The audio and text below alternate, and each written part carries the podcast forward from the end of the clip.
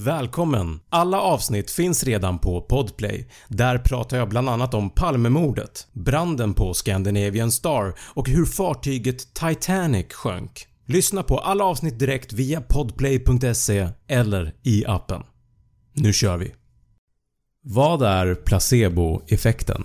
Det ska vi ta reda på idag. Låt säga att du har huvudvärk och du bestämmer dig för att gå till en läkare. Läkaren skriver ut huvudvärkstabletter till dig och säger “de här pillerna kommer hjälpa mot din huvudvärk”. Du kommer hem, öppnar förpackningen och tar ett piller. Några minuter senare så känner du att din huvudvärk försvinner. Men vad du inte visste var att pillerna inte har någon verksam substans överhuvudtaget. I själva verket så var det sockerpiller. Men hur kommer det sig att din huvudvärk försvann? Detta är ett exempel på hur placeboeffekten kan fungera. Alltså genom att du tror och förväntar dig att pillerna kommer hjälpa mot din huvudvärk, så gör de det. Ett annat exempel på placeboeffekten kan till exempel vara att ge en patient med smärta en spruta med koksaltslösning istället för smärtstillande och då känner patienten att det fungerar även fast det rent praktiskt inte gör någon skillnad. Och det är bara för att patienten trodde att den fick smärtstillande. Det som är intressant med placeboeffekten är att forskarna vet inte exakt hur placeboeffekten fungerar. Men en teori är att när en person tror och förväntar sig att till exempel ett piller kommer att lindra huvudvärk så ändrar personen sitt beteende och då ökar produktionen av dopamin som är en av de viktigaste signalsubstanserna i det centrala nervsystemet. Dopamin påverkar humöret och gör en mer positiv och gör också att du känner dig mer vaken, glad och får en ökad motivation.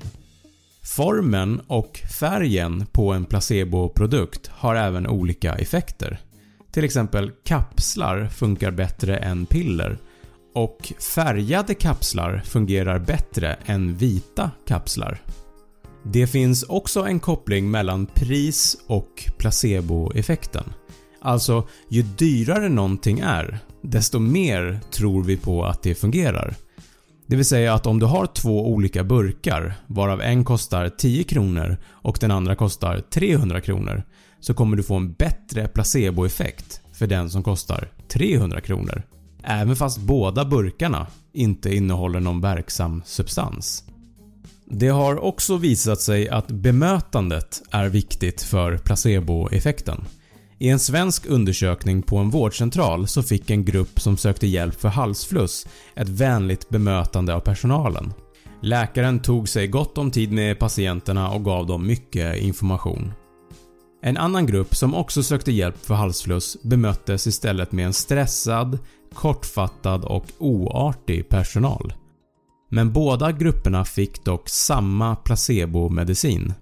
Men det intressanta var att när man sen undersökte patienterna två dagar senare så mådde gruppen som blev vänligt bemötta betydligt mycket bättre än gruppen som blev oartigt bemötta. Placeboeffekten är dock en väldigt skör effekt för när en person som undergår en placebobehandling börjar tvivla på produkten så försvinner effekten direkt. Motsatsen till placebo kallas för nocebo och fungerar precis tvärtom. Alltså om en person tror och förväntar sig att man kommer få negativa effekter av en behandling så kan man få det. Till exempel att om en grupp människor får dricka vatten i tron om att det är kräkmedel så kommer en del av personerna att kräkas, även fast det bara är vatten. Både placeboeffekten och nocebo-effekten är helt enkelt tankens kraft över kroppen och det är ju väldigt underligt att dina egna tankar och förväntningar kan skapa både positiva och negativa symptom hos dig själv. Tack för att du har lyssnat på det här avsnittet. Kom ihåg att alla avsnitt finns att lyssna på via podplay.se eller i appen. Glöm inte att prenumerera på min YouTube-kanal Snabbfakta och på Instagram heter jag snabb.fakta. I nästa avsnitt så kommer jag prata om vad en psykopat är för någonting. Det får du inte missa.